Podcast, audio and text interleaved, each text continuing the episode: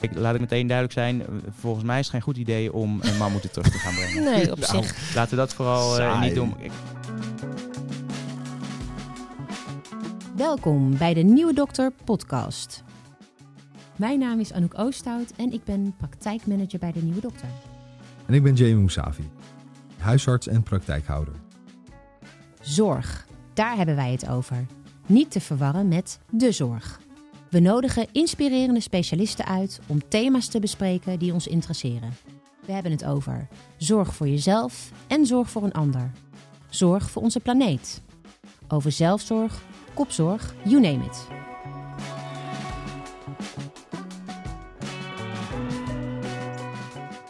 Ja, wij zijn vandaag weer op een bijzondere plek, Jamie. waar, waar zitten we nu? Ja, Matthijs, vertel het eens. We zitten in Naturalis en dan ook echt midden in het museum.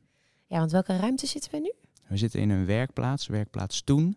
En eh, hier eh, laten we eigenlijk voor het publiek eh, het verleden zien. En dan doen we allerlei activiteiten. Leuk. Ja, Naturalis dus vandaag. We gaan vandaag een eh, gesprek opnemen met Matthijs Schraner. Matthijs, jij bent bioloog en wetenschapscommunicator. Heb ik dat goed? Ja. Ja, helemaal goed. En wat, eh, wat betekent dat? Eh, ja, je moet niet verwarren met communicatiewetenschapper. Dat is weer een andere tak. Ja, Nee, dus ik ehm, heb de, de mogelijkheid om de wetenschap op een goede, toegankelijke manier te vertalen voor het algemeen publiek. En dat gebruik ik ook in mijn dagelijkse werk hier. eh. en mijn achtergrond in de biologie helpt daar natuurlijk ook bij. K- Als ik zo hier rondloop, ehm, dan hoor ik de hele tijd zo'n Jurassic Park eh, thema afgaan in mijn hoofd.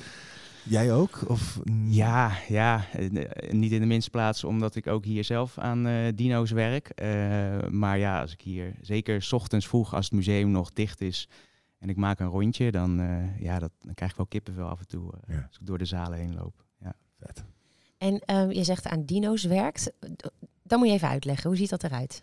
Ja, nou we hebben eh, in onze zaal Life Science, die, eh, die is op de begane grond altijd gratis toegankelijk. Eh, daar werken wij voor de schermen. Eh, dus daar kan het publiek op ons werk kijken en vragen stellen. En wij werken daar in het Dinolab. En daar zitten we eh, botjes schoon te maken, te prepareren. En dat zijn dan botjes van, van dinosaurussen. Heb jij de gaafste baan ter wereld? Ja. ja, dat zegt iedereen natuurlijk. Maar eh, ja, nee, en eh, ik moet er wel meteen bij zeggen, dit is een, een, een bijfunctie, zeg maar. Dus niet mijn hoofdfunctie. Eh, maar wat ik zo fijn vind aan mijn, mijn werk, is dat er heel veel variatie in zit.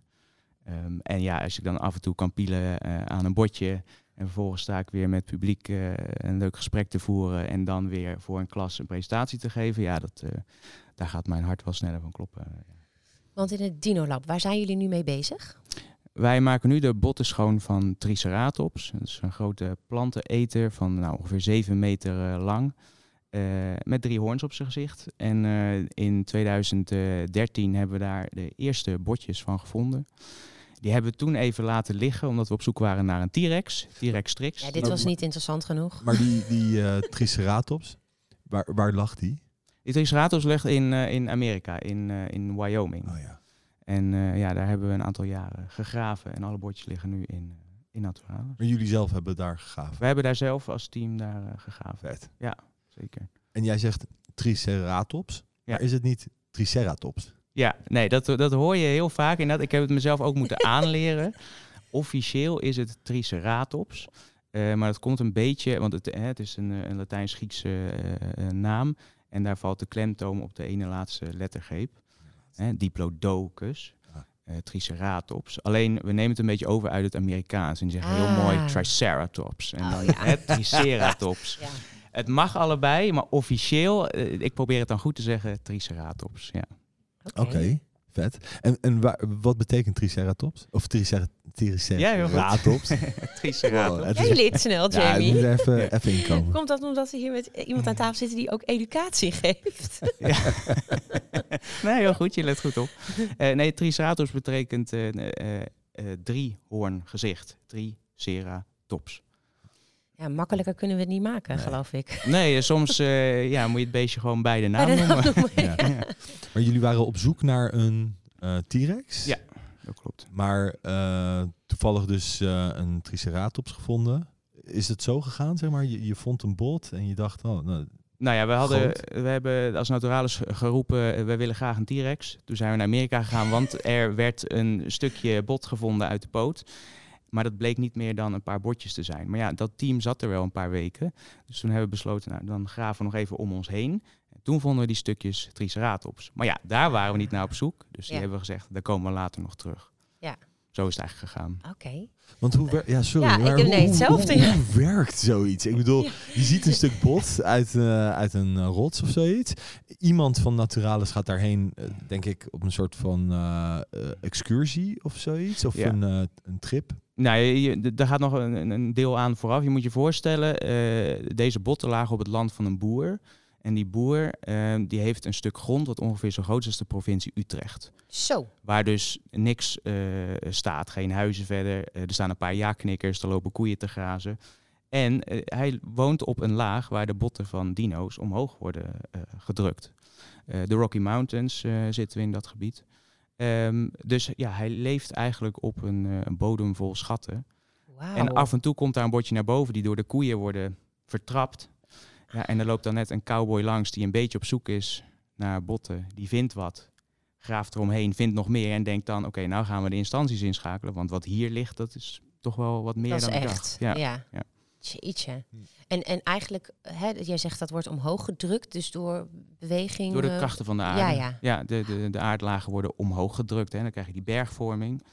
Ehm, en dan komen die oudere lagen komen naar boven toe. Ja. En door erosie, eh, winderosie, maar ook het vertrappen van die, van die koeien lekker... ehm, komt dat steeds meer bloot te liggen. En hoe, hoe doe je het? Je- zei van, hè, eh, nou, Natura Naturalis wilde graag een, een T-Rex. Is dat een Tyrannosaurus Rex? Ja, ja heel goed. En, eh, ja. Hè, dat Ja. is eh, verder dan mijn, eh, mijn dino-kennis gaat, denk ik niet verder dan dat. en Tyrannosaurus rex. Maar dan ja. zeg je gewoon, oké, ja, wij, wij willen graag een T-Rex.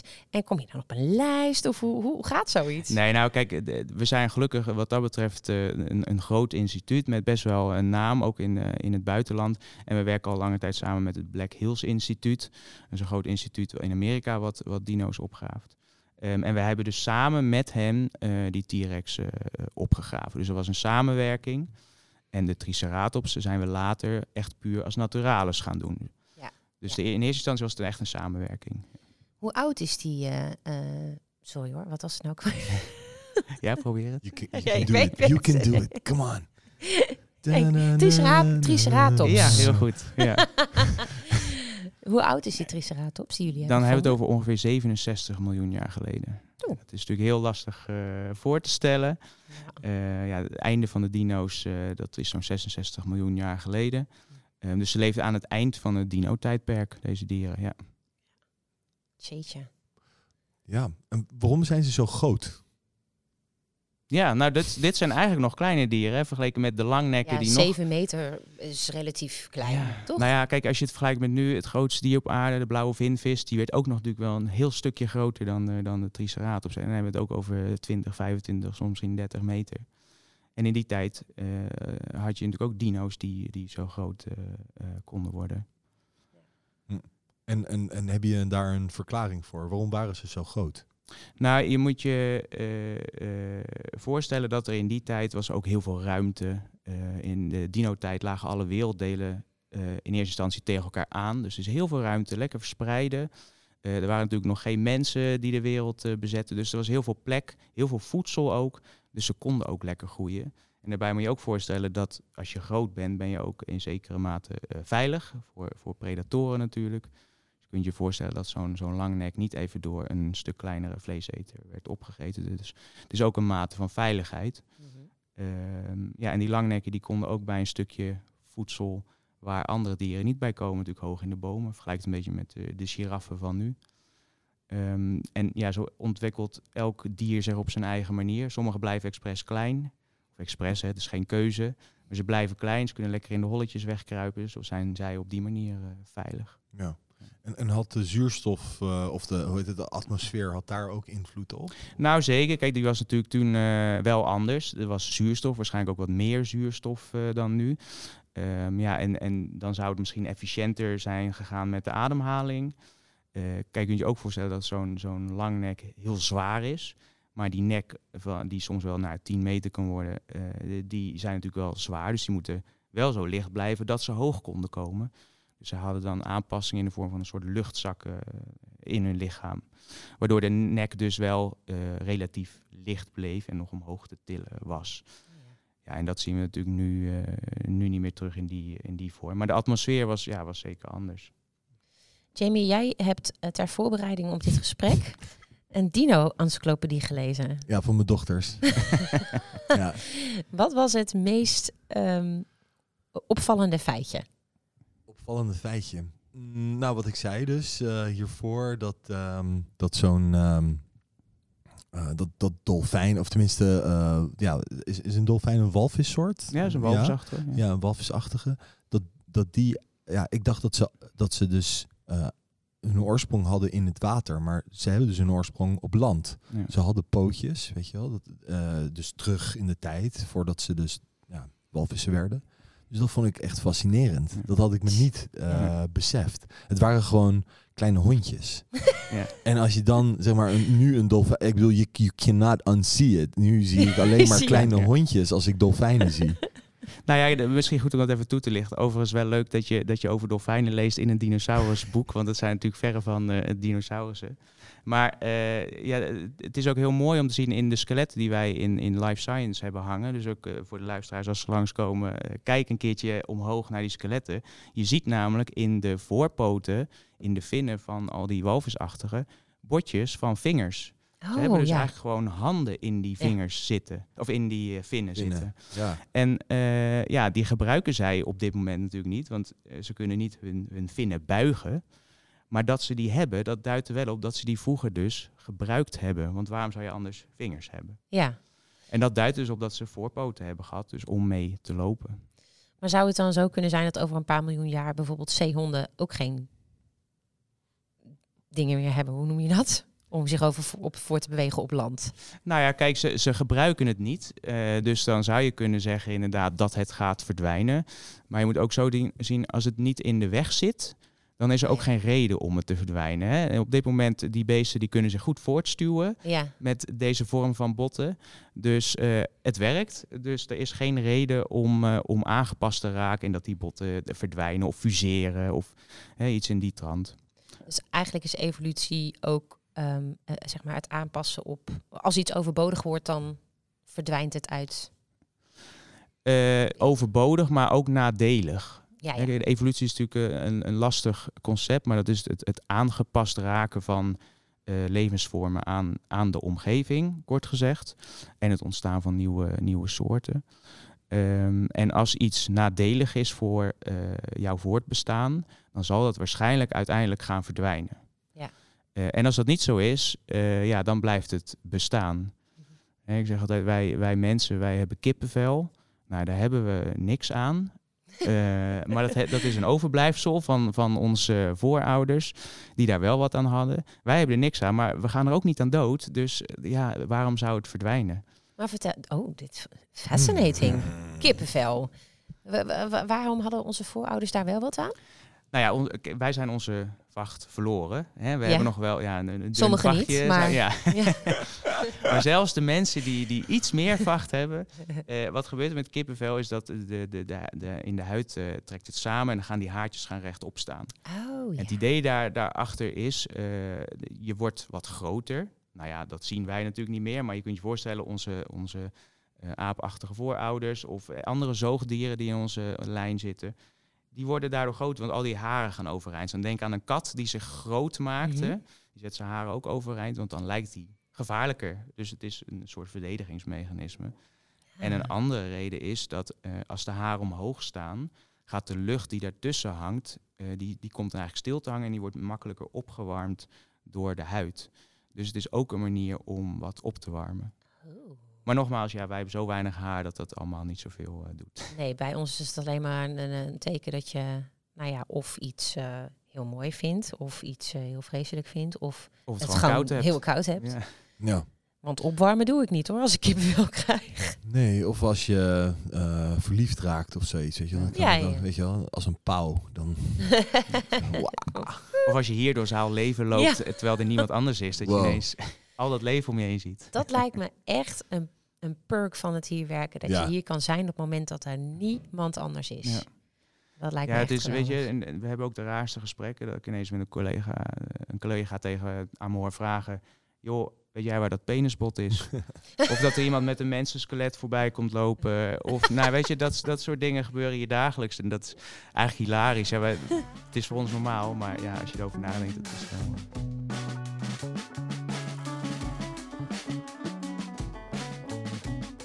Maar oké, ehm, mag ik een soort ehm, eh, een uh, bruggetje maken naar uh, evolutieleer? Ja? Dus je had het net over evolutieleer. Um, heb jij mensen in de omgeving die dat in twijfel trekken? In mijn persoonlijke leven niet. maar wat ik wel hier, hier merk, kijk, als ik in Dinolab zit, mensen gaan met je in gesprek.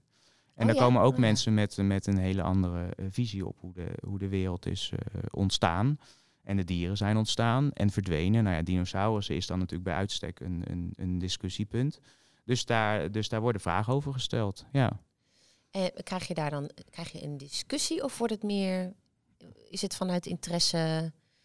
Nou, dat is, ja, dat, dat, ik heb, toevallig heb ik daar laatst een training over gegeven aan onze mensen op de vloer. Want mensen vinden dat lastig. Hoe ga je met, met andersdenkenden eh, in gesprek op dit gebied? En ik zeg dan eigenlijk altijd als eerste, we zijn hier niet om anderen te overtuigen van wat wij doen. Mhm. Kijk, wij hangen de wetenschap aan en dus de evolutietheorie. Uh, dat dragen we uit, daar kunnen we over vertellen. Maar als uh, een bezoeker bij ons staat en zegt, ja, dat geloof ik allemaal niet. Nou, dat, hè, be my guest, dat mag. Maar zo kijken wij er tegenaan. Kun je er eens een voorbeeld van geven, waar het echt dan schuurt? Uh, nou ja, dat ze wat je aan het doen bent, zijn dat wel echte botten. Oh ja. Ik zeg ja, ik ga hier niet voor mijn lol aan, aan, een, aan een nepstukje de steen zitten raspen de hele dag. ik, heb, ik heb wel wat beters te doen. Ja. Um, er is ook wel eens de opmerking geweest van ja, jullie graven dino's op, maar ja, jullie vinden tussen die dinobotten echt wel eens een keer een stukje mens. He, want de, mensen en dino's hebben nooit tegelijk geleefd. Maar als we een stukje mensenschedel zouden vinden tussen de dino's, ja, dan heb je natuurlijk ineens bewijs dat mensen en dino's wel tegelijk leefden. Maar ik zeg, moet je je voorstellen, als ik daar zit en ik zou ineens een stukje dino en daarnaast een stukje mensenschedel vinden. Dat ga ik echt niet achterover drukken. Want ik, ik verdruk Darwin en Linnaeus. Ik verdruk iedereen uit de geschiedenisboeken. Want ik ben degene die ineens heeft ontdekt dat mensen en dino's wel degelijk ja, ja, ja. Uh, tegelijk hebben geleefd. Ik hoef nooit meer te werken. Ik, ik ben wereldberoemd. Ja, ja, ja, ja, ik zou wel gek zijn als ik dat doe. Ja. Maar dat gaat nooit gebeuren. Dus dat. Uh, nee. nee. Maar, maar, maar, dat is wel interessant natuurlijk. Want uh, er zijn dus inderdaad ook mensen die hier komen. Dat vind ik al heel mooi. Mensen die niet geloven in de evolutie, maar dan wel naar ons museum komen. Terwijl wij toch die boodschap uitdragen dat het leven geëvolueerd is. Um, dus dat is al, dat is voor ons mooi. Uh, voor hun ook dat ze ervoor openstaan. En soms, ja, het kan wel eens tot discussies leiden. Er zijn ook mensen die zeggen, die gaan echt met je in discussie. Ja, maar dit is allemaal onzin wat jullie vertellen, want de zonvloed. Oh ja. Hè? En, en oh ja. je kunt de discussie aangaan. Dat mag als je jezelf daar prettig bij voelt. Maar dat, ik zeg altijd, dat, dat hoeft niet. Hè? Agree to disagree als je niet met elkaar eens bent. Nou, ja. ja, eh, je hebt absoluut heb je gelijk. Maar ik bedoel, als er genoeg mensen zijn die het niet geloven, dan trek je heel uh, zeg maar, het, het, wetenschap in twijfel. Ja. En dan heb je een probleem, toch? Als je te veel mensen hebt die het een probleem vinden. Uh, dat hebben we meegemaakt, toch? Ik bedoel, in, uh, laten we zeggen, tijdens de nou, middeleeuwen. Hmm. Dat, ehm, ehm, ja, dat een natuurhistorie, dat dat, als je daarmee aankwam, dan werd je ja, ja. verguisd door de, door de kerk bijvoorbeeld. Ja, nou ja, eh, de, kijk naar Darwin. Hè. Ja. En dan zitten we een, tijd geleden, 150, uh, 200 jaar geleden zo'n beetje. In die tijd, ja, toen werd natuurlijk het, het creationisme, het verhaal van God, werd natuurlijk veel meer aangehangen dan tegenwoordig. Ja, en Darwin heeft in eerste instantie ook niks over het ontstaan van mensen durven zeggen. Hè, dus zijn, zijn beroemde boek uh, On the Origin of Species heeft hij dat helemaal links laten liggen. Oh, ja. En pas in een later boek, uh, uh, zo'n twintig jaar later, daarin is het uh, wat meer over mensen gegaan. Maar daar was hij nog steeds heel voorzichtig in. Oh ja, ja. Ehm, ja, en zo, zo is de tijd veranderd. En inmiddels zijn er steeds meer bewijzen voor gevonden dat het leven zich echt aangepast is geraakt. Dat soorten in elkaar over zijn gegaan, nieuwe soorten zijn ontstaan. Um, en dus die bewijzen hebben er denk ik ook mede voor gezorgd dat er steeds meer mensen achter de evolutionaire theorie staan. Ja, ja. ja. ja. Nee, ik, ik, ik heb daar moeite mee als mhm. mensen dan, uh, dan, dan, zeggen dat dat niet bestaat. Weet je, ik ben ook, nou, laten we zeggen, een soort semi-wetenschapper. Mhm. En uh, nou ja, goed, uh, ik, vind, ik vind het moeilijk om dan iemand, nou ja, wat je zegt, misschien probeer ik te overtuigen. En moet ik dat loslaten. Ja. En voorzichtiger zijn, net als Darwin. Ja. Ja. ja. Maar nou ja, kijk, ik heb dan ook wel de neiging af en toe, als, je, als zo'n discussie dreigt te komen, dan denk ik af en toe ook van, Oké, nou wil je een discussie? En dan kan je een discussie krijgen. En dan probeer ik mezelf eh, eh, te remmen. Ja.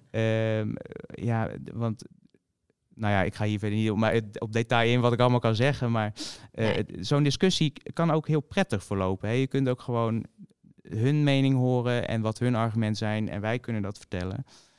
En dan kun je vriendelijk uit elkaar gaan. En nou ja, dan wordt er waarschijnlijk om de hoek gezegd, nou ja, wat hij vertelt is onzin. of niet, of niet. dat kan natuurlijk ook. Dat weet je niet. Um, maar uh, de, vaak zijn het wel prettige discussies. Ja. Alright, nou, leuk onderwerp dit. Ja, dit, uh, daar kan je nog een podcast over maken, denk ik. Hè? Ja, maar goed. Ja, ik ben nog wel benieuwd naar... Um, we zitten hier nu in die, uh, hoe heet deze ruimte? De werkruimte heette dit. Een werkplaats. Welk, werkplaats, werkplaats toen van het verleden. Toen, ja.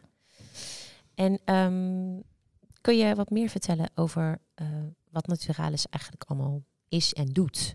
Ja, nou in, in eerste instantie, mensen uh, denken Naturalis, dat is een museum en het gaat over natuurhistorie. Nou, dat klopt. Uh, maar we zijn meer dan dat. En ons bestaansrecht is eigenlijk onze collectie. We hebben in het midden van ons gebouw staat een hoge toren van 20 verdiepingen hoog. en daar hebben we ruim 43 miljoen objecten in liggen. Zo opgezette dieren, gedroogde planten, uh, skeletten, fossielen, stenen en mineralen. Nou, eh, noem maar op. We hebben er wel iets van. Um, en dat leent zich natuurlijk heel goed om daar A, een museum omheen te bouwen. En B, om er onderzoek aan te doen. Dus we zijn ook een groot onderzoeksinstituut. Ja. En Naturalis Biodiversity Center ook. heten we, ja, ook internationaal. Ja. Uh, dus naast een museum zijn we een verzameling, een collectie uh, en een onderzoeksinstituut met inmiddels bijna zo'n 900 uh, eh, of bijna zo'n 1000 medewerkers al. Zo. Ja, en, en dat, ja, dat is een groot bedrijf en het, elke dag ontdekken we weer nieuwe dingen. Ja. En um, wat voor activiteiten bieden jullie zo al aan? Ja, heel veel verschillende activiteiten. Ik werk zelf dan op de afdeling educatie ook. naast dat ik dus dino's prepareer. En uh, wat wij doen is het ontwikkelen van activiteiten voor families. We zijn in principe een familiemuseum, dus daar richten we ons op. Um, en op scholen natuurlijk, um, vanaf de kleuterklas tot uh, de PABO uh, en voortgezet onderwijs. en bieden we allerlei schoolprogramma's aan die aansluiten op het curriculum. En die kunnen gaan over ordening, over evolutie, waar we het net over hadden. Maar ook wat simpeler over, kijk gewoon eens hoe mooi de wereld is, vormen eh, functies, patronen, wat zie je nou allemaal terug bij dieren. Ehm, en eh, dat doen we hier in de werkplaats onder andere. Hier doen we dan de programma's die met het verleden te maken hebben. Maar we hebben ook een werkplaats nu en daar doen we programma's die uh, met het heden te maken hebben. Ja. Want, uh, ja, sorry. Nee, zeg maar. Ja, we zien hierachter zien we uh, bijvoorbeeld uh, fossielen. Ik denk een um, bovenbeensbot.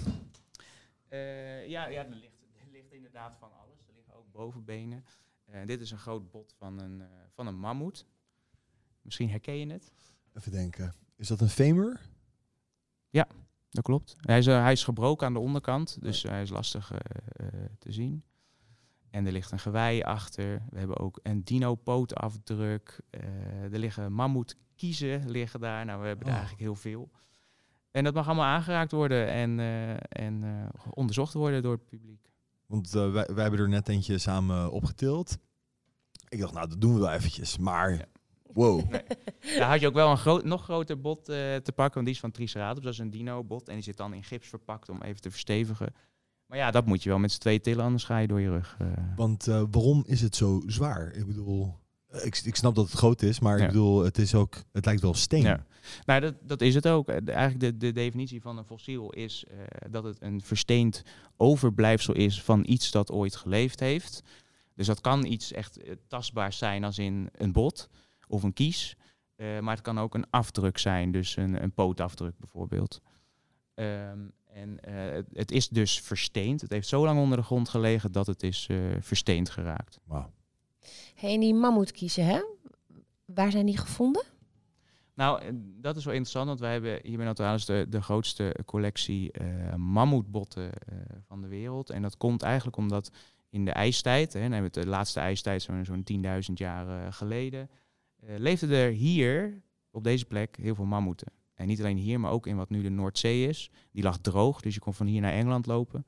En uh, daar, lagen daar liepen dus deze dieren. En wat er dus nu gebeurt, is dat uh, vissersboten uh, bij het opspuiten van bijvoorbeeld de Maasvlakte of de zandmotor, ja, dan worden die botten eigenlijk het strand opgespoten. En met een goede storm heb je kans dat je daar botten vindt. Ja. Ja, bizar hè? Ja, ik weet, weet volgens mij bij de uh, zandmotor. Zandmotor, ja, ja. Dat je daar ook uh, dit soort dingen kunt vinden. Ik zoek er zelf ook wel eens. Dus, ja? ja? Heb je wel eens eentje gevonden? ik heb geen mammoetkies gevonden. Ik heb wel, en daar, dat, dat, is al, dat onderzoek is al drie jaar gaande inmiddels. Ik heb een stukje schedeldak gevonden, wat mogelijk van een Neandertaler is. En dat is dus wel heel bijzonder. Oh. Maar, dat is hier, nu, daar dus? Of ja, op de zandmotor heb ik dat gevonden. Dus ook stukjes mensachtig kun je vinden. Dat het van de Neandertaler is, is nog niet gezegd. Want het is dus in onderzoek in Duitsland. Al drie jaar? Al drie jaar. Ik heb toevallig vanmorgen een, uh, een, uh, een mailtje over de status gekregen. En ze hebben 200 stukken verzameld uh, die, ze, die ze nu aan het onderzoeken zijn. Mijn stukje is nog niet onderzocht, dus ik moet nog even geduld hebben. Ja, jeetje. Ja. Al drie jaar ligt ja. het ergens ja, te wachten op... En wat betekent dat dan als het een Neandertaler uh, een stukje van een schedel is? Uh, nou, dat is best bijzonder, want, want mammoet kiezen kom je dan wel redelijk veel tegen. Of nou ja, redelijk veel, wat is redelijk veel, maar af en toe vind je dat wel. Uh, dit zou volgens mij, als ik me goed uh, herinner, het tweede stukje Neandertaler zijn dat in Nederland is, is gevonden. Dus nou, wow.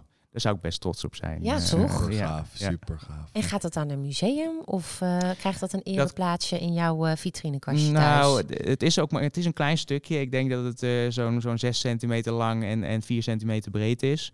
Um, en het wordt deels kapot gemaakt voor DNA-onderzoek. Dus er wordt wat uitgeboord. Dus Auw. ik moet nog zien hoe het terugkomt. Uh, Zo in poedervorm.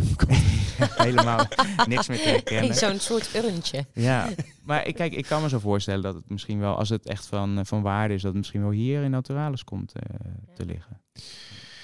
Ik heb ooit, uh, dus een, een beetje... Uh, We krijgen een anekdote. Nu, ja, nu gaat het even, even over mij. Um, Ga ervoor zitten. ik, heb, ik heb een tijdje in Libië gewoond. En uh, nou, dat zit grotendeels in de Sahara. En daar heb je gigantische velden met uh, in de woestijn. En dan denk je aan, aan woestijn, denk je heel snel aan duinen. Weet je, van die giga zandduinen. Nou, dat was het dus niet. Die had je er ook, maar dat was het niet. Je had echt vlaktes, vlaktes. Um, ja, een soort van platte uh, woestijn waar niks groeide. En daar had je fossiele, dus ja, versteende bomen. Dus dat noemden, we, dat noemden wij dan, als lokale uh, bewoners noemden wij dat de petrified forest. Mm -hmm. Omdat het, uh, alsof het, ja, ja. Uh, ja, maar dat was echt absurd om mee te maken. Gigantische botten, die lagen daar gewoon verspreid. Die kan je gewoon oprapen, daar hoef je niet, niet voor te gaan graven of wat dan ook. Dat is echt bizar. En wat voor botten waren dat dan? Uh, nou, dino-botten. Ja, weet ik het. Neandertallers. Ja, gewoon hele skeletten. Ja, de absurdste dingen had je daar. Jeetje. En um, dus de, toen jullie vertelden over die zandmotor. Je hebt dus delen in de wereld waar eigenlijk niets wordt gedaan ja. aan archeologie of uh, paleontologie. Waar zou jij dan zo'n... Ja. Zo, is er een plekje waar je nou ja, nog kijk, echt zou willen graven? Sowieso plekken waar bijna niemand, waar, waar weinig menselijke activiteit is. Ja. bijvoorbeeld op de bodem van de Noordzee, maar ook in de woestijn inderdaad. Daar kunnen best wel uh, schatten liggen, ja. Kijk, en als we het dan eventjes uh, over dino's mogen hebben nog, die liggen over de hele wereld verspreid. Met uitzondering van Nederland, want die lag in die tijd onder water. Ja, jammer. Ja, helaas. Je, onder je huis ga je geen T-Rex vinden. Shit. Uh, ik ga wel graven. Ja. Wel andere botten. Ik woon in een begraafplaats. Maar oké, dat is een ander verhaal. maar ja, weet je, kijk... De, een, een dit. dat is heel Even tussendoor. Ik woon uh, op een begraafplaats. Nee, aan. oh, sorry. Ik woon ernaast. Ja, ja ernaast. Maar? Uh, nee, kijk, wat natuurlijk interessant is, ja, dat is uh, niet zo fijn, want het, uh, het Siberische permafrost dat neemt af door klimaatverandering. Dat is natuurlijk nadelig, maar er komen dus ook wel mooie, vaak goed bewaarde nou ja, stukken mammoet of zelfs hele mammoeten met vacht of beren komen tevoorschijn. Dat zijn natuurlijk plekken, dat is natuurlijk iets heel anders dan, dan dino's naar botten. Wow. Ja, met, met, en daar kun je dus ook nog DNA uithalen en dan kun je dus wat over soorten gaan zeggen. En, ja, dat is oh, wacht eens even, DNA. En als je dat dan, die DNA eruit haalt en inspuit in een, uh, in een, uh, nee, even serieus. Even serieus blijven, Ga je jongens. hier nou bekokstoven? Nee, nee, nee, maar even... Nou ja, kijk, daar worden natuurlijk onderzoeken. naar. Er zijn heel veel, of nou, dus er zijn wetenschappers die vinden het interessant om te kijken of we de mammoet terug kunnen klonen. Want we kunnen wat mammoet-DNA vinden. Uh, maar we hebben natuurlijk A, niet het complete uh, DNA-materiaal. B, dan zou je het terug gaan moeten brengen via een olifant. Wat natuurlijk uh, net geen mammoet is. Hè? Het is wel een soort familie van elkaar, maar het is geen mammoet. Dan heet het er net niet mammoet. ja, zo zou je het kunnen Ja. noemen. Of, of een soort, uh, ja, je hebt toch van die uh, witte tijgerleeuwen. Oh ja, Ja, ja. Of, uh, of nou ja, muilezels. Dat zijn toch ook ezels Ja. die met paarden zijn gegaan? Ja, alleen die zijn dus onvruchtbaar. Dus die zullen daarna ook weer, zeg maar, uitsterven. Dus, uh, dus paarden en ezels en ook leeuwen en tijgers, die kunnen zich voortplanten. En dan krijg je uh, teeuwen en leigers, maar Ja. die zijn onvruchtbaar. Wat zeg je Oh. nou? Teeuwen en Teeuwen en leigers? ja. Fascinerend. Het gebeurt niet vaak, maar het kan. Oké, maar ze behoren dus niet tot dezelfde soort, omdat ze niet vruchtbaar zijn. Oh. Maar er zijn ook instanties, of tenminste eh, gevallen van ehm, wolven die met eh, wilde honden gaan bijvoorbeeld. Nou, die zijn natuurlijk ook familie van elkaar. Juist. Dus, ja. Dus ja, het zou kunnen. Ja, dat, ja oké. Ja, maar goed, dan heb je natuurlijk nog wel het hele ethische Ja. aspect. Kijk, laat ik meteen duidelijk zijn. Volgens mij is het geen goed idee om een mammoeten terug te gaan brengen. Nee, op Nou, zich. Laten we dat vooral eh, niet doen. Kijk, al is het maar om het feit dat waar moeten we die beesten een Ja. plekje geven? Ja. Hè, die hebben een dikke vacht. En nou, dan moeten ze op de Noordpool moeten we ze neerzetten. Nou, daar worden ze ook niet vrolijk van, eh, denk ik. Nee. Bovendien, op wat voor manier zullen die beesten er zijn? Die zullen waarschijnlijk ook heel krakkemikkig zijn, omdat wij ja, een beetje eh, lopen te spelen met DNA en proberen zo'n beetje terug te krijgen. Ja, dat moeten we toch helemaal niet willen. Dat, Nee. eh, nee. En maar gelukkig kan je hem altijd nog 3D printen. nou zeker, dat kunnen we. Nou ja, goed. Ik bedoel, als je kijkt naar, eh, je had het over Wyoming. Ja, Yellowstone zit daar. Mhm. En eh, daar hebben ze wolven, dus eh, wolven die waren uitgestorven daar in dat gebied, hebben ze weer teruggebracht. Ja. En dat heeft hele ja, voordelige gevolgen gehad voor het hele gebied. Ja. Dus je kan je, kan je ook, je kan ook zeg maar, een soort van eh, beargumenteren dat als je die mammoeten weer terugbrengt in, ehm, in de Noordpool, dat, eh, dat het ecosysteem dan eigenlijk wel weer verbetert. Ja, maar die, eh, kijk, je moet je voorstellen, die mammoeten die leefden niet op wat nu een, een witte wereld is daar. Nee. Hè? Die mammoeten leefden op grote open steppes. En we kennen allemaal de film Ice Age, dus alles mooi wit. maar dat is allemaal onzin. Het, is het was er heel koud, maar het was er niet altijd wit. Het heeft best wel eens gesneeuwd. Maar er waren gewoon grote grasvlaktes met Oh, name. ja. Hè, en dat vind je op de Noordpool eh, ook niet terug. Dus er is gewoon op dit moment geen geschikte locatie Ja, als die Rusland. er al- Rusland. Ja, ja, klopt. Maar eh, ja, wil je ze daar tussen de mensen en andere dieren die daar niet va- voorkwamen in die Nee. tijd, wil je ze daar terugzetten? Ik zou het niet, eh, eh, niet eh, doen. Jammer. Je had het net over eh, klimaatverandering. Dat is misschien wel een mooi bruggetje voor, eh, voor- om een volgend onderwerp aan te snijden. Wat is jouw eh, een beknopte versie van jouw visie op eh, klimaatverandering? Eh, Dat we er hard aan moeten trekken om onze aarde een beetje leefbaar eh, te houden. Ik denk dat dat eh, het, minste is wat we, waar wij wat nog aan kunnen doen. En daar we kunnen dat? Nou, op verschillende manieren. Kijk, we, hè, we hebben natuurlijk op overheidsniveau kunnen we daar dingen aan doen. Nou, hè, je helemaal gehoord met de, de boeren, de stikstofproblemen. dat is natuurlijk een ding. Nou, daar is van alles over te zeggen en op, op welke manier dat gebeurt. Ehm, maar dat is een manier om daar eh, mee te dealen, om te zorgen dat er dus minder stikstofneerslag is. We kunnen met z'n allen. Kijk, vaak wordt gedacht in extreme, hè, van stop met het eten van vlees. Maar als we allemaal minder vlees gaan eten, helpt dat ook al. Ja. We, hoeven, we hoeven niet allemaal ineens vegetariër te worden, maar stapjes helpen ook. Hè? Als we uh, hybride gaan rijden, dus ook deels elektrisch, helpt dat ook. Ja. Maar is dit jouw persoonlijke mening of is dit uh, Naturalis breed? Nee, kijk, eh, vanuit, vanuit Naturalis, en dat is wel een, mooi om te vertellen, is dat uh, we hebben inmiddels, er zijn twee acties geweest van bijvoorbeeld Extinction Rebellion. die vragen natuurlijk aandacht voor het klimaat. Nou, daar staan wij achter. Hè, dus wij vinden ook, zij mogen dat soort acties houden. Hier binnen bedoel je? Ze zijn één keer binnen geweest en ze hebben één keer vorige week bij ons op de straat gelegen. Een stuk of twintig mensen. Um, en wij zijn natuurlijk helemaal voor hun boodschap dat we beter voor de natuur moeten zorgen. Um, wij als instituut, uh, en zeker van ook vanuit de educatieve afdeling, uh, willen mensen verliefd maken op de natuur. We willen laten zien, kijk eens hoe mooi dit allemaal is, wat je om je heen kunt vinden, ook wat je om ons heen kon vinden, in het recente verleden of veel verder geleden wat er, wat er heeft geleefd. En door te laten zien hoe mooi de wereld is, um, hopen wij dat mensen beter voor de wereld gaan zorgen.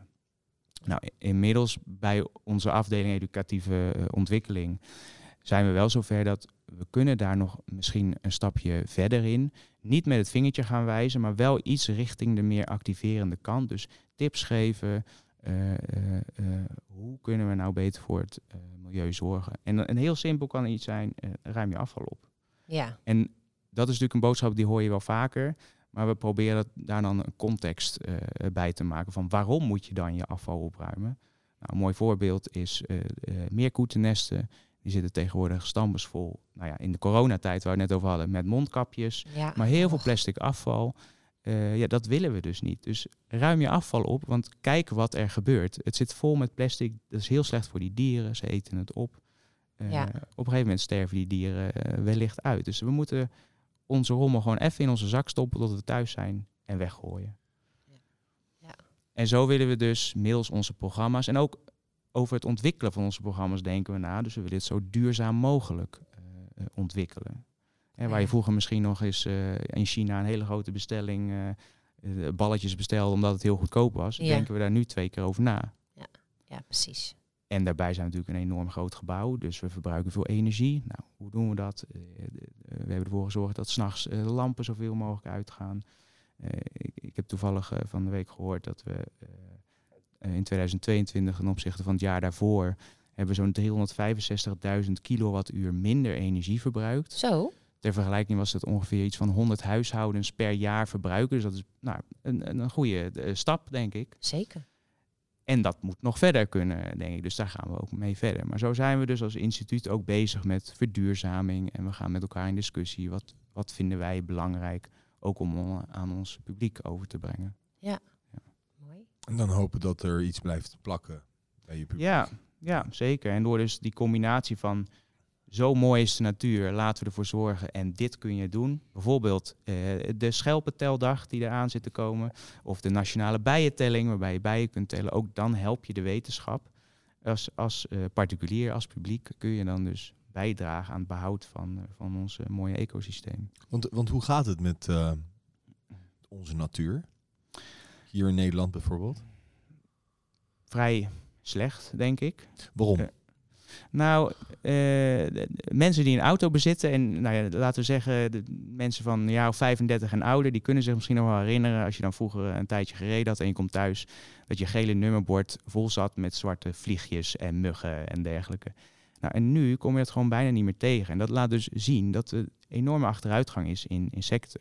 Dat zien we ook terug in de bijen, in de vlinderstand. En die hebben ook allemaal nodig, want dat zijn bestuivers als ze niet meer bestuiven, dan zijn we een flink deel van ons fruit kwijt. Maar ook koffie. En dan, veel mensen houden van koffie. ja. Koffiebonenplanten, ja, die houden daar ook van. Dus dat zou ook minder worden. Chocola gaat verdwijnen. Dus, maar, de, maar, de, maar de insectentelling. Ja. Ja, ik bedoel, jij, jij hebt het nu over een voorruit. Maar ik bedoel, dat geeft mij nul vertrouwen in een telling, zeg Ja. maar. Ja. Uh, hoe wordt dat gedaan door jullie? Ja, dus, dus een, in dit geval de schelpenteldag of de nationale bijentelling. Uh, dan ga je dus op een bepaald plekje, dat kan bijvoorbeeld je achtertuin zijn, ga je een uurtje zitten en dan durf je eigenlijk welke uh, uh, vlinders, welke bijen, welke hommels je tegenkomt. Ehm, en dan kun je dat online delen. En zo weten wetenschappers, die krijgen dus eigenlijk een kaart van heel Nederland te zien. Met, oh, oké, dus die komt daar nog veel voor. Oh, die is daar minder voorgekomen dan vorig jaar. En die kunnen dat dus gaan, die data gebruiken om onderzoek te doen. Als we meerdere jaren data hebben van, gaat het nou beter, gaat het slechter? Uh, waar moeten we misschien actie ondernemen? Uh, dus zo helpen, helpt het publiek de wetenschappers, want die kunnen zelf niet door heel Nederland op elk plekje gaan, uh, gaan tellen. We gaan, we gaan uh, wanneer is dat eigenlijk? Uh, die uh, 15 en 16 april, het weekend van 15 en 16 april. 15 en 16 april. We zullen dat delen met uh, ja. de luisteraars. Ja, Ik ga zelf ook zitten in de tuin. Ja. Ehm, ga jij dat ook goed doen? Goed idee, ja, dat zou goed kunnen, ja. En dan moet je, moet je even los van het feit dat je de wetenschap helpt, moet je, dan zul je je verbazen over, en dan moet je wel een groene tuin hebben, want als je alleen maar tegels hebt liggen, dan komt er weinig op af. Ja, Bob Bronkhorst, doe dat niet. Waarom doe je dat nou elke keer? Hij zet elke keer als hij een tuin heeft, zet hij daar tegels in. En ik zeg dan tegen hem, doe dat nou niet. Haal die tegels eruit, zet er wat planten in uh, Oost-Indisch kers. Ja. Plant wat Oost-Indisch kers, dat komt dan niet elke jaar terug. Maar goed, dan heb je in ieder geval wat lieveersbeestjes die daar naar binnen komen. Oh, ja. er wordt vaak gezegd onderhoudsvriendelijk. Hè? Maar ja, precies. dan denk ik altijd, weet je, als jij een boom hebt staan en de bladeren vallen, dan zie je mensen gaan harken. maar doe dat maar niet. Laat lekker liggen. Dat is goed voor de egels en de wormpjes en de vogels. Je hoeft helemaal niet zoveel onderhoud eraan te doen wat dat betreft. Nee. Nee, dat klopt. Het mag allemaal wel wat uh, wilder, zeg maar. Het hoeft allemaal niet zo... Laat maar eh, lekker gaan. Maar wat ik wilde zeggen inderdaad, uh, waar je over zult verbazen is hoeveel soorten bijen en hommels er eigenlijk zijn. En wat er dus ook in je tuin tegen kan komen. Hè. Je denkt misschien, oh dat is een bij, dat is een bij. Mhm.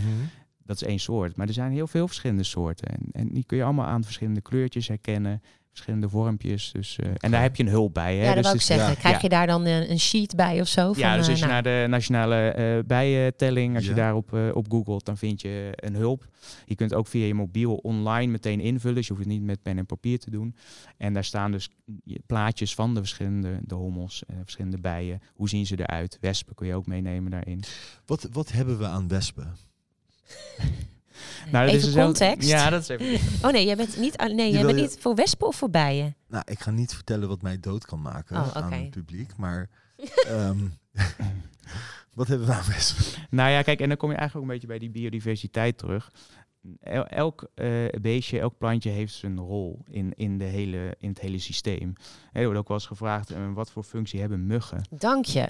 Hij, hij was aan het rondzoomen in mijn hoofd, deze maar, vraag. Maar uh, hoe heet het? Uh, vleermuizen, toch? Vleermuizen eten die muggen op, toch? Vaak. Ja, ja, maar, ja. ja maar, maar wespen ook. En, en zo gaat het met heel veel dieren. Die dienen als voedsel voor weer andere dieren. En, ah. en um, als die beestjes allemaal verdwijnen, verdwijnt hun voedsel dus ook. Hè, kikkers vinden muggen heerlijk en de muggenlarven en zo. En die zitten lekker rond hun vijvertje, want daar worden de eitjes natuurlijk ook ingelegd. Ja, als dat verdwijnt, dan moeten ze even een stuk harder op zoek naar naar voedsel. Ik zal niet meteen zeggen dat als er uh, nu uh, morgen in mijn achtertuin tien muggen verdwijnen, dat, dat de kikker die daar leeft doodgaat. Nee, maar... Zo hard loopt het natuurlijk niet. Um, maar het, het, elk dier, elk plantje heeft zijn functie ja. op aarde. Ja. Waar maak jij het meest zorgen om? om ons eigen handelen. Um, en dat zegt natuurlijk vanuit hè, persoonlijke, op persoonlijke titel. Um, ik denk dat heel veel mensen er niet aan willen dat we allemaal, op wat voor vlak dan ook, wat moeten inleveren. Hè, En we horen nu veel over de boeren. En dat is zeker niet de schuld van de boeren allemaal. Nee. Maar we zullen er niet aan ontkomen dat ons, onze hoeveelheid vee moet gewoon naar beneden. Ja. En daar kunnen de boeren bij helpen, daar kan de overheid bij helpen, daar kunnen wij als consument bij helpen door gewoon net iets minder vlees te gaan eten, maar ook iets minder melkproducten te nemen. Mm. Waarbij dus niemand per se meteen vegetariër hoeft te worden. Het is natuurlijk wel mooi wat dat betreft. Maar als we allemaal ons steentje bijdragen, uh, en allemaal ook misschien, als, dat, als we die mogelijkheid hebben, investeren in een warmtepomp of uh, ik koop een keer biologisch vlees in plaats van de welbekende uh, scharrelkip. Ja. Ja, dat we allemaal ons eigen steentje bijdragen. We, we ontkomen er gewoon niet aan dat we wel zullen moeten veranderen met, met elkaar. Ja, maar wat voor nut heeft dat? Als een bedrijf zoals Shell bijvoorbeeld geen dividendbelasting moet betalen. Ja, en dat vind ik mooi dat je dat, dat, je dat nu noemt. Want Shell is natuurlijk een, een enorm groot bedrijf. En, en wie ben jij dan als, als één persoon of twee persoons huishouden? microscopisch onderdeel van het systeem, ja. Ja, nou ja, en, en dan, dan, dan zeg ik altijd, ik heb zelf altijd ehm, eh, een tijdje geleden, eh, toen gebruikten wij nog heel veel post-its, papieren post-its bij ons op de afdeling. En toen heb ik op een gegeven moment geopperd, waarom gebruiken we niet afwasbare post-its? Het scheelt enorm veel papier.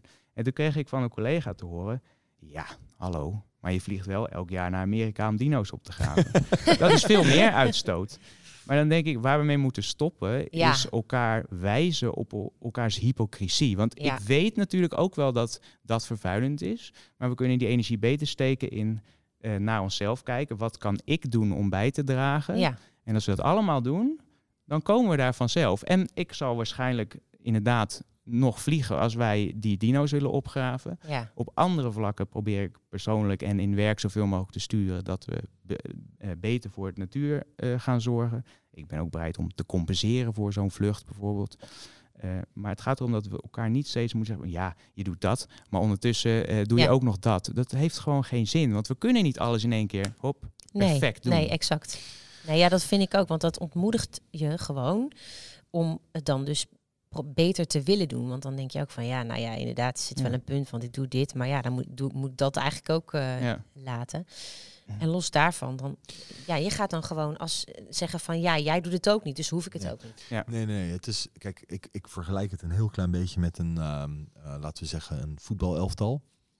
Als je zo'n rechtsback hebt die niet meeloopt, dan, of, en, en, en een centrale verdediger die niet, eh, weet je wel, de bal paast, dan kan je als team wel goed functioneren en goed je best doen de hele tijd. Maar ja, goed, er zit dan een soort van kink in de kabel, weet je wel. Dat, dat wil je toch allemaal mee hebben. Ja. Ik bedoel, het is leuk dat wij dat doen. En ik ga in de zomer ga ik met de trein op vakantie. Dat is voor het eerst in Ja, mijn leven dat ik, goed. nou ja, vroeger heb ik dat, ge- ik heb geïnterrailed in de jaren negentig, maar nu gaan we dat doen eh, als gezin. Ja. Maar ja, volgend jaar gaan we weer naar eh, Amerika vliegen. Ja. Ja, Nou ja, kijk, dat is het een beetje. Mensen gaan ook zitten wachten op elkaar. Ja. Ja. Ja. want als, als dat bedrijf niks doet, ja, dan ga ik ook Ja. niks doen. nee, Nee, Maar exact. dan- dat moet je niet hebben. Nee. Dan staan we stil. Ja, ja, klopt. En als wij met z'n allen gaan, dan komt dat bedrijf vanzelf. En ik vind het altijd fijn om te zien dat we.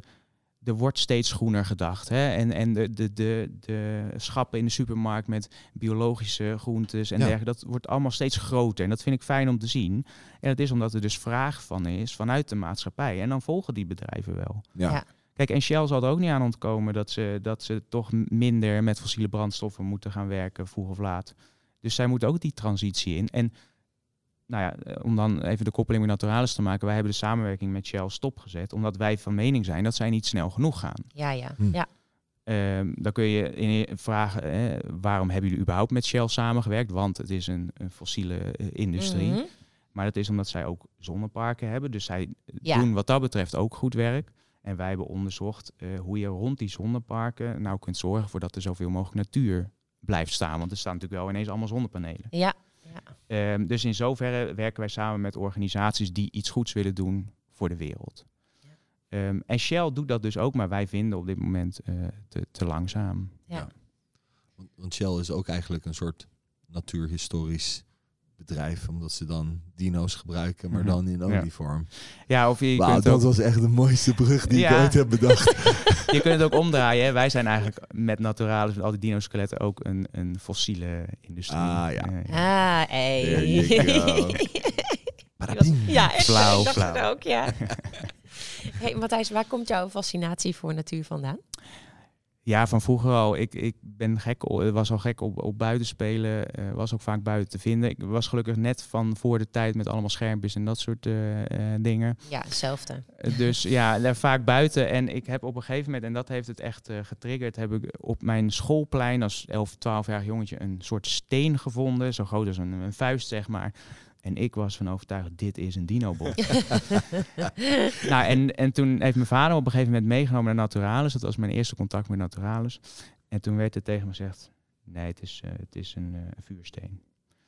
Nou, toen, en op dat moment dacht ik, ja, Jouw wat weten ze nou bij. Naturalis? ja, wat weten ik, ze nee, nou? hoor, dit, ik heb nog jaren geloofd dat het gewoon echt, want ik dacht het is een raptorpoot, want je kon die tenen zien. En nou, Oh ja. inmiddels weet ik natuurlijk wel beter, het is inderdaad gewoon een stuk vuursteen met een mooie vorm. ja. Ehm, maar dat heeft wel mijn fascinatie voor de, de wereld, voor de natuur om me heen eh, getriggerd. En ik heb die steen nog steeds. Die staat Oh, altijd ja? als, herinnering. Ehm, ja, en dan voorbeelden als uh, David Attenborough, dat, daar trek ik me aan op, zeg maar. Dat, uh, ja, dat vind ik zo mooi, uh, wat, wat hij heeft gedaan, ook vooral. Ja, en, en welke van de Jurassic Park films is jouw favoriet? of vind je het überhaupt wel leuk? ja, ik vind het leuk om, om te kijken. Ik heb toevallig Dominion, Jurassic World Dominion laatst nog zitten kijken. Nee, daar moest ik best wel een beetje, een beetje om huilen. Nee, ja, kijk, ja, wat is de beste? Ja, dan toch wel de, het origineel, de, de Jurassic Park, zeg maar. Hé, dat was nieuw, dat was tof, dat was gaaf. Uh, ja, dat was gewoon mooi om te zien. Bovendien, hè, we zijn nu heel wat jaren verder. Ik vond de dino's er toen echter uitzien in de film dan nu. Het is allemaal oh. CGI. En vroeger werkte het natuurlijk veel meer met animatronics. En oh, ja. dat, werkt toch echter ook qua interactie met de mensen in ja. die films. Oh, ja? Dus, uh, ja, het wordt heel technisch, maar dat... Ja. Uh, ja ik, ik begrijp wat je bedoelt. Zeg maar, dat zijn, dat zijn soort robotachtige... Ja, sorry. De... Met, met, een, met een huid eroverheen ja, gespannen. De bewegende dino's. Ja. Oh ja. En, en ik weet nog één scène dat um, die Triceratops, um, die is ziek. En dan gaan ze zo kijken, om te kijken hoe die is, weet je. Maar hij ligt zo grieperig op de grond. En uh, dan kan je zijn ademhaling horen. Ja. Of ze gaan luisteren naar zijn ademhaling. Maar hij moet ook met zijn, met zijn, met zijn klauwen in zijn stront gaan, gaan ja. graven... om te kijken wat hij nou aan het eten is. Fascinerend. Ja. Oh, ja. ja, dat is een van de eerste aanrakingen met dino's voor heel veel mensen natuurlijk geweest. Hè? Ja. Het werd ook neergezet als heel lief beestje natuurlijk. en, uh, ja, het, er zitten natuurlijk wel fouten in qua hoe ze die dino's ja. hebben vormgegeven. En sommige dingen doen ze ook voor Hollywood. Hè. Tuurlijk. Het moet er tof uitzien. Maar in grote lijnen, er zit echt wel een grote kern van waarheid in, in hoe het er allemaal uitzag in die tijd. En dat, ja, zeker in de Jurassic Park film hebben ze dat best, uh, hebben ze dat best goed gedaan. Leuk. Jurassic Park, ja, ik moet heel eerlijk zeggen, ik denk dat ik er misschien eentje heb gezien in een ver, ver verleden. Oh, Jamie's en mondhoeken die gaan nu naar beneden. Sorry. Kijk ze zeker. In ieder geval de Jurassic Park films. Oké, okay, ja. Spielberg. Ja, het is... Sorry. Ja. Echt cultuurbarbaar. Het spijt me. Oké. Okay. Hey, en um, nou, we zitten, we zitten hier in een, uh, ja, hoe noem, een leslokaal, lijkt het wel. Ja, de, wer ja, werkplaats was het, hè? Werkplaats. Hiernaast hebben we uh, heel eventjes een uh, mogen spieken. Dat is een uh, nieuwe kamer, een nieuwe zaal eigenlijk. Ja. En dat heet de... Het is de evolutiezaal. Evolutiezaal.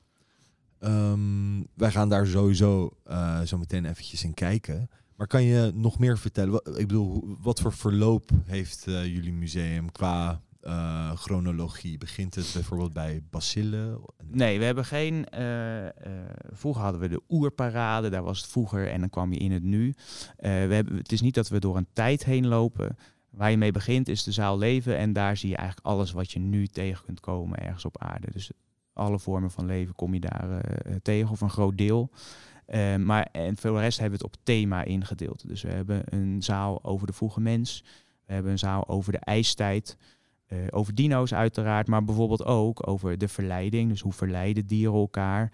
Met ook een groot deel over seks, voortplanting. Maar die is helemaal boven, hè? Die is helemaal bovenin. Dat is echt heel leuk. Ja, ook met een reden natuurlijk bovenin. Want eh, ik kan me voorstellen dat sommige mensen met, met kleine kinderen bijvoorbeeld liever niet daarheen gaan waar je enorme grote penissen kunt zien. Of, of vagina's van dieren. Of, ja. Heel interessant, want ja, zo is de natuur.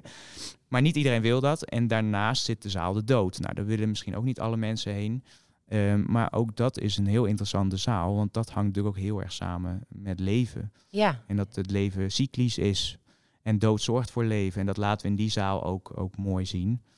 Dus uh, ja, zo hebben we het eigenlijk op thema hebben we het uh, ingedeeld. En ook een zaal over de aarde natuurlijk, de aardse krachten, mineralen, lava, vulkanen, uh, noem maar op. Ja hebben we trouwens ook een hele leuke podcast over, over de dood. Maar dat terzijde. Ja. De aflevering bedoel ik. Even terugluisteren allemaal. Ja. Wat maakt Naturalis zo uniek? Om te beginnen onze collectie, denk ik. Dat we zo'n grote collectie hebben. Uh, waar zoveel onderzoek aan gedaan kan worden. Waarvan we nog niet eens weten wat er eigenlijk allemaal in ligt. Er liggen gewoon nog schatten in die ontdekt moeten worden. Hier dus, in de collectie, hè? Ja. Want dat vertelde je uh, toen wij net even, voordat we starten dat er hier vriezers vol liggen met allemaal dieren die allemaal nog... Ook, ja. ja. Die, worden, die worden opgezet. Dus als er een vogel tegen je raam vliegt en hij is nog intact, dus we willen geen hele bebloede dieren hebben.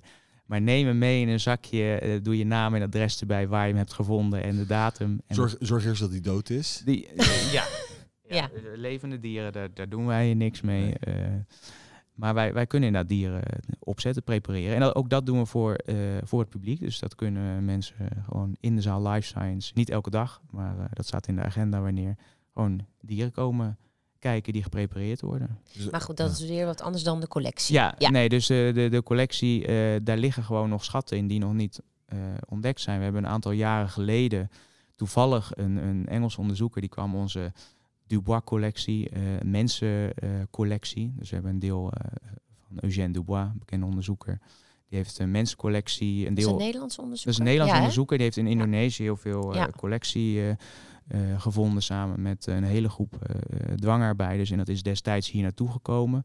En wij, of die onderzoeker, die heeft dus tussen heel veel schelpen een schelp gevonden waarin gekrast is. En dan zou je denken, oké, dat kan zo ontstaan zijn. Maar dus een dusdanig patroon dat dat niet bij toeval door een langschurende steen is ontstaan of zo. Nee. Dus we hebben ontdekt dat dat een van de oudste tekeningen is die door een mensachtige is gemaakt. Nou, dat is een schelp die lag al jaren in onze collectie. En onze eigen onderzoekers hebben Oh, ja. dat nooit ontdekt. Totdat er dus iemand van een ander land die kwam even, kijk, ik wil jullie schelpencollectie zien. Ja. En die ontdekte dat. En nu zit die schelp dus ook in het museum, in de vroege menszaal, Ja. is die te zien.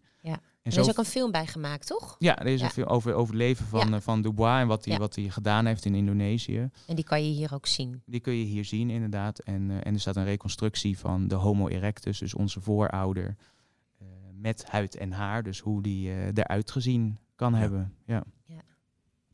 Ja, korter. Die was wat korter. Ja. Ja. Wat qua kleiner. lengte, Ja. wat kleiner. Ja. Ja, Ja. ja. fascinerend. In hoeverre is het belangrijk om onderzoek te blijven doen naar het verleden voor zeg maar het hier en nu Ja. en toekomst? ja, nou kijk, eh, we doen natuurlijk ook onderzoek aan, aan onze dino's. Hè, dus hoe zijn ze omgekomen bijvoorbeeld. En ik zeg altijd inderdaad, ja, met dat soort onderzoek gaan we geen eh, kanker genezen. Dat, daar, dat soort dingen gebeurt niet. Maar we kunnen wel heel erg veel leren over hoe de omgeving er in die tijd uitzag, hoeveel, welke dieren er leefden, eh, maar ook wat er is gebeurd, of er bepaalde ziektes speelden. Hè, dat zie je bijvoorbeeld in botwoekeringen die ontstaan zijn bij die, bij die dieren. Ehm, en we kunnen het gewoon heel erg vergelijken met dieren van nu. Hè, dus eh, zo kunnen we ook beter reconstrueren ehm, hoe de evolutie is verlopen. Kijk naar het skelet van een Triceratops, vergelijk dat met een skelet van, nou ja, laten we een neushoorn nemen, die lijkt er dan misschien nog een beetje op. En het is gewoon voor een groot deel gelijk. Zelfs als je het vergelijkt met de mens, het is voor een heel groot deel gelijk. We hebben allemaal ribben, we hebben twee botten in onze onderarm, één in de bovenarm en dat geldt ook voor de benen. We hebben teenkootjes, et cetera. Dus de bouwplannen zijn door die tijd heen, die 67 miljoen jaar, helemaal niet veel veranderd. Nee. En dat is gewoon heel interessant om te zien. En door veel te leren over de omgeving toen, omgeving nu en te vergelijken, kunnen we ook beter voor de dieren van nu zorgen. Ja. En reconstrueren, ja, als die aarde nou opwarmt, A, wat kunnen we er tegen doen, maar B, ehm, wat gebeurt er met de natuur? Ja. Want in het verleden zijn, is natuurlijk ook klimaatverandering. eh, Ja, dus niet alleen gespeeld. van deze tijd. Nee. Nee, en wat ik nog wel even wil, wil verduidelijken is dat klimaatverandering op zich is natuurlijk niet het probleem. Want dat wordt wel eens gezegd van, hè, maar in de ijstijd was het super koud dus, eh, en, en daarvoor is het warmer geweest. Dus eh, waarom is klimaatverandering een probleem? Nou, dus eh, het versnelde verandering van het klimaat, dat is het probleem. En daar zorgen wij als mensen voor. Dus wij versnellen het uitsterven van dieren, omdat er niet de tijd is voor die dieren om aangepast te raken aan die Ja, nieuwe precies. context. Zij kunnen niet evolueren. Nee, nee, eh, we drukken ze weg uit hun habitats. eh, maar het wordt ook warmer voor ze. En ja, zeeën worden zuur, zuurder. Dus kalk lost daarin op. Heel veel schelpjes van, van zeedieren die lossen daarin op. Nou, die sterven gewoon uit. En dat is to, eh, eh, ons toedoen. Dat is door, door ja, ons toen. ja, wij versterken Ja. het met al onze, nou ja, de stikstofuitstoot, maar ook de, de- alle andere gassen. Gassen. giffen die we gebruiken, ja. de chemische bestrijdingsmiddelen. eh, ja, dat, dat is gewoon heel slecht voor, eh, voor de wereld. En eh, ja, de gasgebruik, eh, daar moeten we ook vanaf. Nou, daar zijn we gelukkig al eh, goed mee op weg. Ja. Maar we kunnen daar dus nog ook als consument, maar ook zeker als grote bedrijven, kunnen we daar ons steentje aan bijdragen. En ik Ja. hoop dat dat gebeurt zonder dat er regels worden opgelegd, maar dat mensen gewoon inzien We moeten echt. Ja, intrinsiek zeg ja. maar willen veranderen. Ja. Ja. En ik hoop dat we ze dat bij Naturalis al kunnen zien. Of dat Ja, we dat zaadje ja. kunnen planten. Op wat jongere leeftijd al. Hmm. Ja, op Ja. jonge leeftijd. Ja. Ja. zeker ook. Ja. Ja, zo belangrijk. Mhm. Ja. Ja, ik vind het eigenlijk wel een mooi. Heb jij nog een vraag? Nou ja, eh, ik, ik zat te denken over die intrinsieke eh, verandering. Tenminste, dat je gedrag wil veranderen. Tenminste, dat zou goed zijn voor de natuur. Als mensen eh, dan wat vaker niet met de auto zouden gaan. eh, minder vliegen, nou noem het maar op. Minder vlees, wat jij noemde. Ehm, dus er zijn wel eh, veranderingen mogelijk. Maar je wil dat mensen dat dus uit zichzelf willen. Mhm. En hoe Ja. zorg je daarvoor? Weet je, wel, een goed voorbeeld zoals Naturalis is mooi, maar niet iedereen gaat elke dag Nee. naar Naturalis. Nee, ik denk ook niet dat ik daar een kant-en-klaar Nee. antwoord op heb. Kijk, mensen komen pas in actie, over het algemeen, als ze zelf door iets geraakt worden. Dus als ze het merken in de portemonnee, dan gaan ze ineens zorgen dat ze minder energie verbruiken. Ja, Eh, maar als het gebeurt bij je buurman en jij hebt nergens last van, dan, en je kent die buurman niet zo goed, hè, voor vrienden wil je ook nog wel eens wat doen, maar je kent de buurman niet zo goed, eh, dan ben je minder geneigd om actie te ondernemen. Dus we moeten echt, ehm, Ja. en ik hoop dat dit er al aan bijdraagt, dat mensen gaan nadenken van, oké, nou, weet je, als ik nou even twee dagen in de week geen vlees eet, dan draag ik al een beetje aan bij. Als ik vijf minuten korter onder de douche sta, dan help ik ook weer. ja precies. En, da en daar verlies je niks mee, want je wordt dan net zo schoon onder de douche. Ja. En je krijgt ook je eiwitten nog binnen. eh, dus, dus het kan gewoon. We moeten er echt aan. Ja. Ja. Maar als jij dit nou zou vertellen op de rug van een T-Rex die je zelf hebt gekloond, dan luisteren mensen beter naar je. Ja, misschien, ja, dan, misschien moet ik toch gaan proberen te klonen. Goed idee. Eerst DNA vinden, dat wordt lastig. Oh ja. Ja. ja, ik denk dat we op het einde zijn. Ik denk het ook. Ja, Want het wordt te flauw, hè? ja, ja. Ja. nee, het is, eh, nu gaat het bergaf. Oh, Ik zie mezelf, ik zie me wel steeds meteen voor me op een T-Rex hier zo op het museumplein of zo. Ja, toch? Ja, zo gek ben ik niet. hey Matthijs, dankjewel voor je tijd. Graag gedaan, was leuk. Ja, onwijs bedankt. Je luisterde naar de Nieuwe Dokter podcast. Volg ons op Spotify voor updates over nieuwe afleveringen. Ook op Instagram, Facebook en LinkedIn is de Nieuwe Dokter te vinden. Heb je naar aanleiding van deze aflevering vragen? Schroom niet en mail naar info@nieuwedokter.nl.